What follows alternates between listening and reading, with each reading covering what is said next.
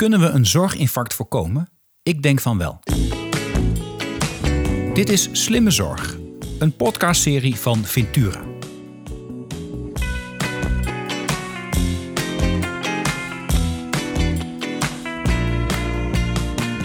Mijn naam is Arno Rutte.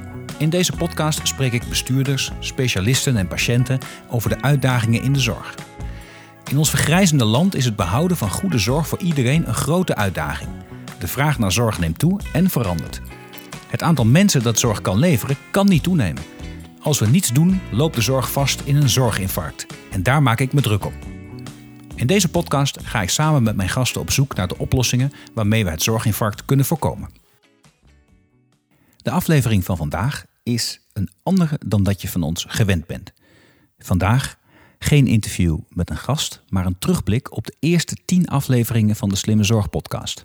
Voor die afleveringen ging ik telkens met verschillende mensen uit het speelveld van de zorg in gesprek over hun ideeën en idealen over wat slimme zorg zou moeten zijn. Vandaag wil ik terugblikken op die verhalen en de zes belangrijkste inzichten die daar volgens mij uit naar voren zijn gekomen met jullie delen. Wat is volgens jou slimme zorg? Die vraag heb ik in de afgelopen maanden inmiddels tien keer mogen stellen aan mensen die dagelijks bezig zijn met het organiseren van goede en betaalbare zorg. En het heeft geleid tot tien prachtige gesprekken. In deze speciale terugblikaflevering van de Slimme Zorg podcast wil ik graag in kaart brengen welke inzichten de podcast tot nu toe al heeft opgeleverd.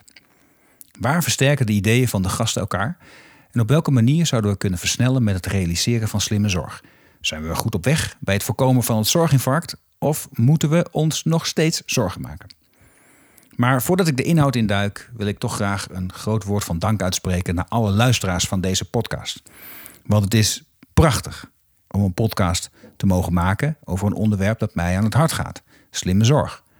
Maar het gaat van mooi naar geweldig als die podcast tot enthousiasme bij luisteraars leidt. Jullie, luisteraars, maken uiteindelijk de podcast. Jullie zijn er steeds meer en jullie treden ook steeds vaker in contact. In contact met mij, met enthousiasme berichten over de podcast, of met ideeën voor nog meer slimme zorg, of met mensen die ik ook zou kunnen of misschien wel zou moeten spreken. Zeker nog, dat heeft ook al tot een aflevering geleid. Echt geweldig. Maar ook heel bijzonder is hoe de deelnemers aan de podcast worden benaderd.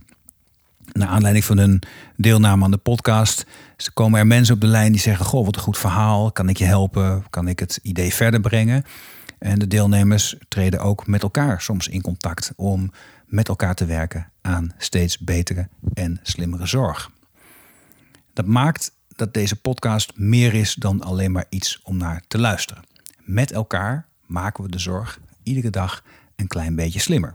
En dat, nou, dat stemt mij heel erg gelukkig.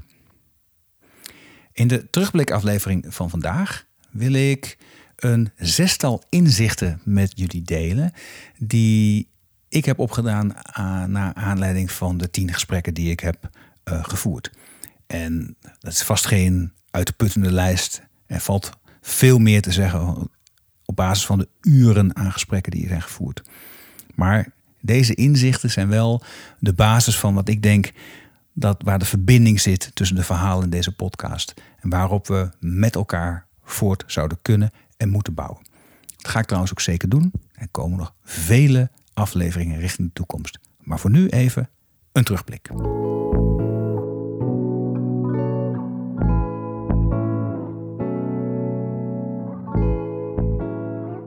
Het allereerste inzicht. Inzicht nummer 1.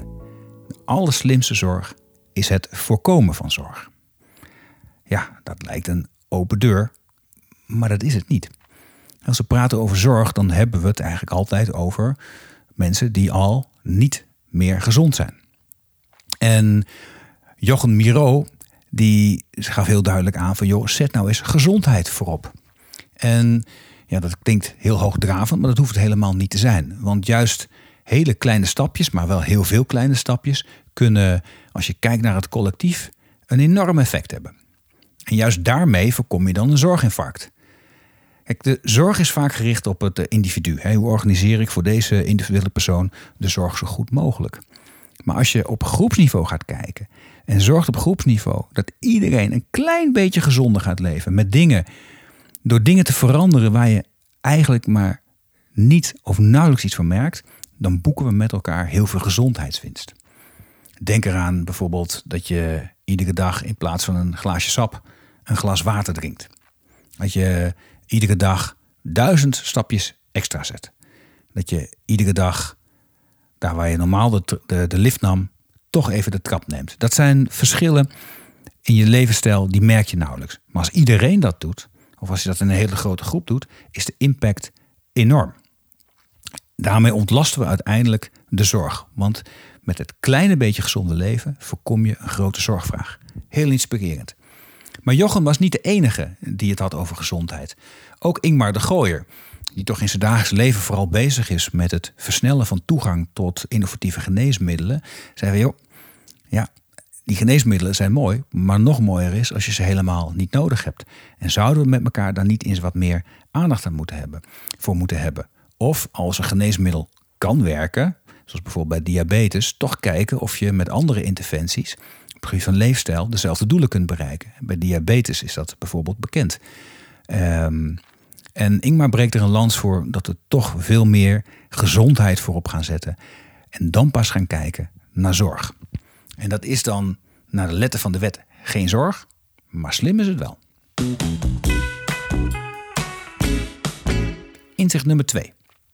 Laat patiënten actief meebeslissen en ondersteun ze daarbij. Wie slimme zorg wil leveren, die moet patiënten actief betrekken. Dat kwam in meerdere gesprekken naar voren. En eigenlijk altijd ook met dezelfde reden. Want hoeveel en hoe lang een dokter ook heeft geleerd, er is maar één persoon die echt weet wat van waarde is. En dat is de patiënt zelf. En het gesprek met dokter Marcus Oei ging daar eigenlijk volledig over. En dat is ook niet zo vreemd, want Marcus Oei heeft bijna zijn levenswerk gemaakt om te zorgen dat die patiënten zo goed mogelijk met de juiste informatie binnen de juiste context naar huis stuurt, zodat ze kunnen nadenken, ook als ze terugkomen, samen met hen over wat is nou voor hen de allerbeste behandeling. Marcus Oei geeft aan dat het zo ontzettend belangrijk is dat die informatie dat die objectief is, dat die uit een betrouwbare bron komt. En dat meeste van deze informatie er ook al is. Ga nou niet lopen knoeien en allemaal dingen zelf maken, maar ga op zoek naar die informatie, ontsluit het, geef het mee aan patiënten Geef ze het mee binnen de juiste context, zodat ze ook weten waar ze naar kijken. En op basis daarvan in staat zijn samen met de arts een juiste beslissing te nemen. Samen beslissen is echt samenwerken aan het komen tot een goede beslissing. Niet alleen een arts als dokter Marcus Oei heeft, had het erover, maar ook Marjan Kaljou, voorzitter van de Raad van Bestuur van de Nederlandse Zorgautoriteit. En die maakt die gaf aan hoe belangrijk het voor de Nederlandse Zorgautoriteit is dat zorg gaat over die beste uitkomst die gezamenlijk met de patiënt wordt gevonden voor de patiënt. En zorg zou alleen maar vergoed moeten worden als hij ook daadwerkelijk bijdraagt aan de kwaliteit van leven van mensen. En ook zij geeft aan, een arts die kan niet eenzijdig beoordelen wat het beste is voor de patiënt. Je moet de tijd en de ruimte nemen om, voor, om tot zo'n goede beslissing te komen. Met de arts samen met de patiënt. Want dan kun je inschatten wat echt persoonlijk van hen van waarde is. Ook, ook namens zorgverzekeraars, Ab Klink, voorzitter van de Raad van Bestuur, die, die, die, die legde daar ook heel erg nadrukkelijk uh, de nadruk op.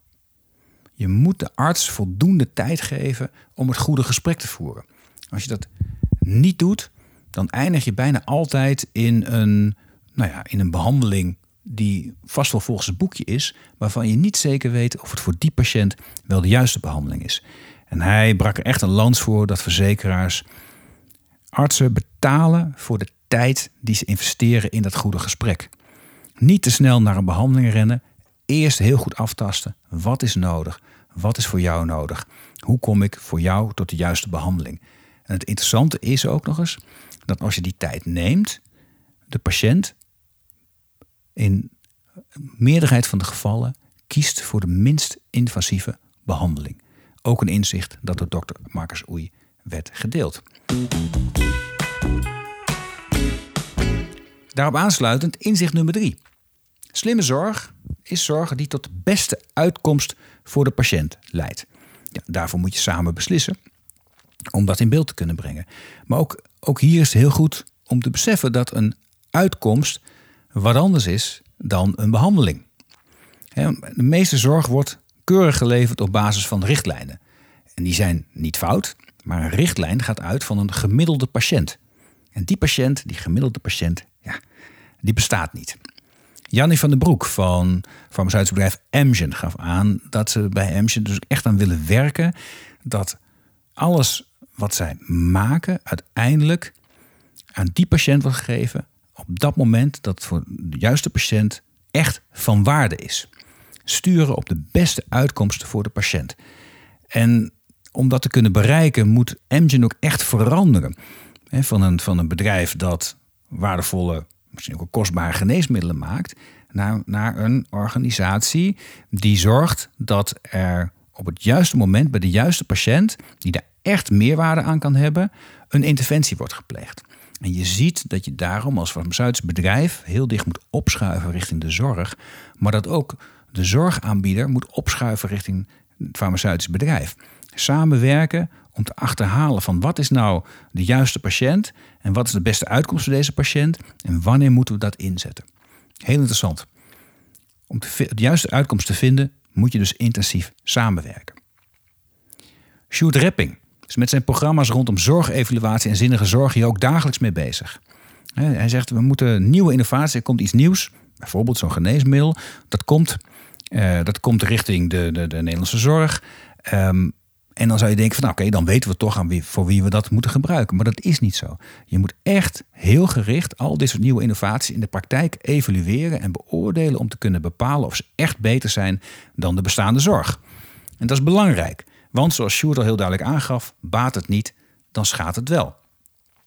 En het belang van het evalueren, dat geldt niet alleen voor nieuwe innovatie, maar dat geldt ook heel duidelijk voor de bestaande behandelingen.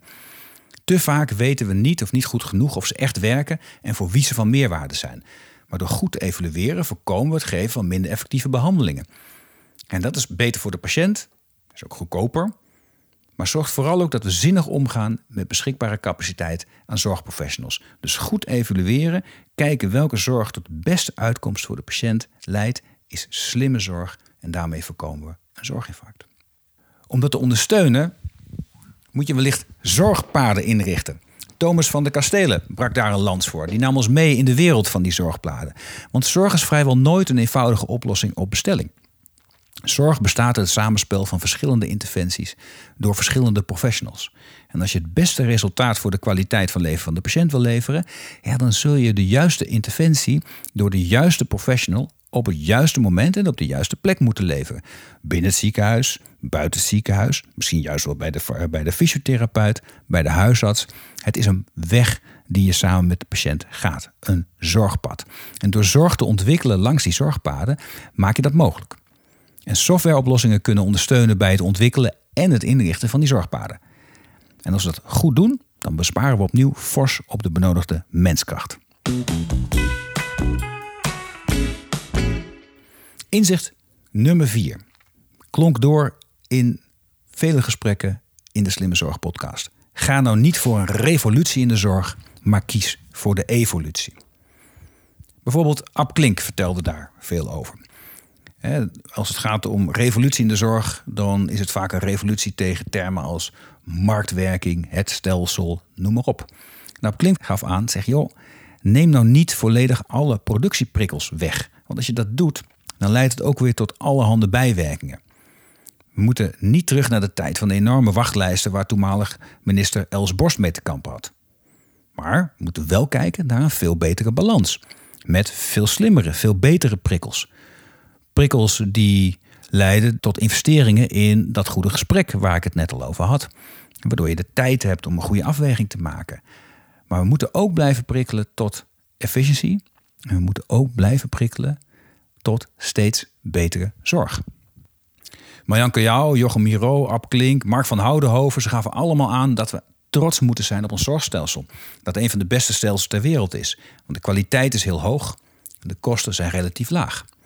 De coronacrisis heeft laten zien dat we binnen dat stelsel in staat zijn geweest om flexibel in te spelen op een plotselinge enorme verschuiving in de vraag naar zorg.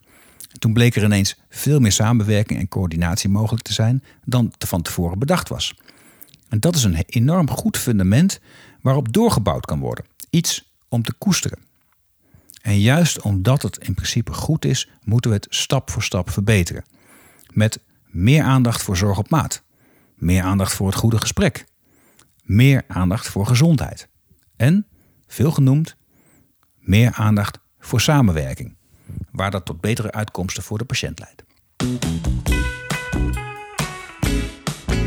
Inzicht nummer 5. Slimme zorg is innovatieve zorg. Mark van Houdenhoven die brak terecht een lans voor het omarmen van innovatie in de zorg.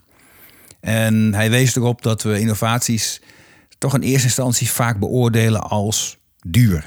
Kijken naar de kosten van de innovatie. En is ook niet zo vreemd, want innovatie kan ook heel erg kostbaar zijn.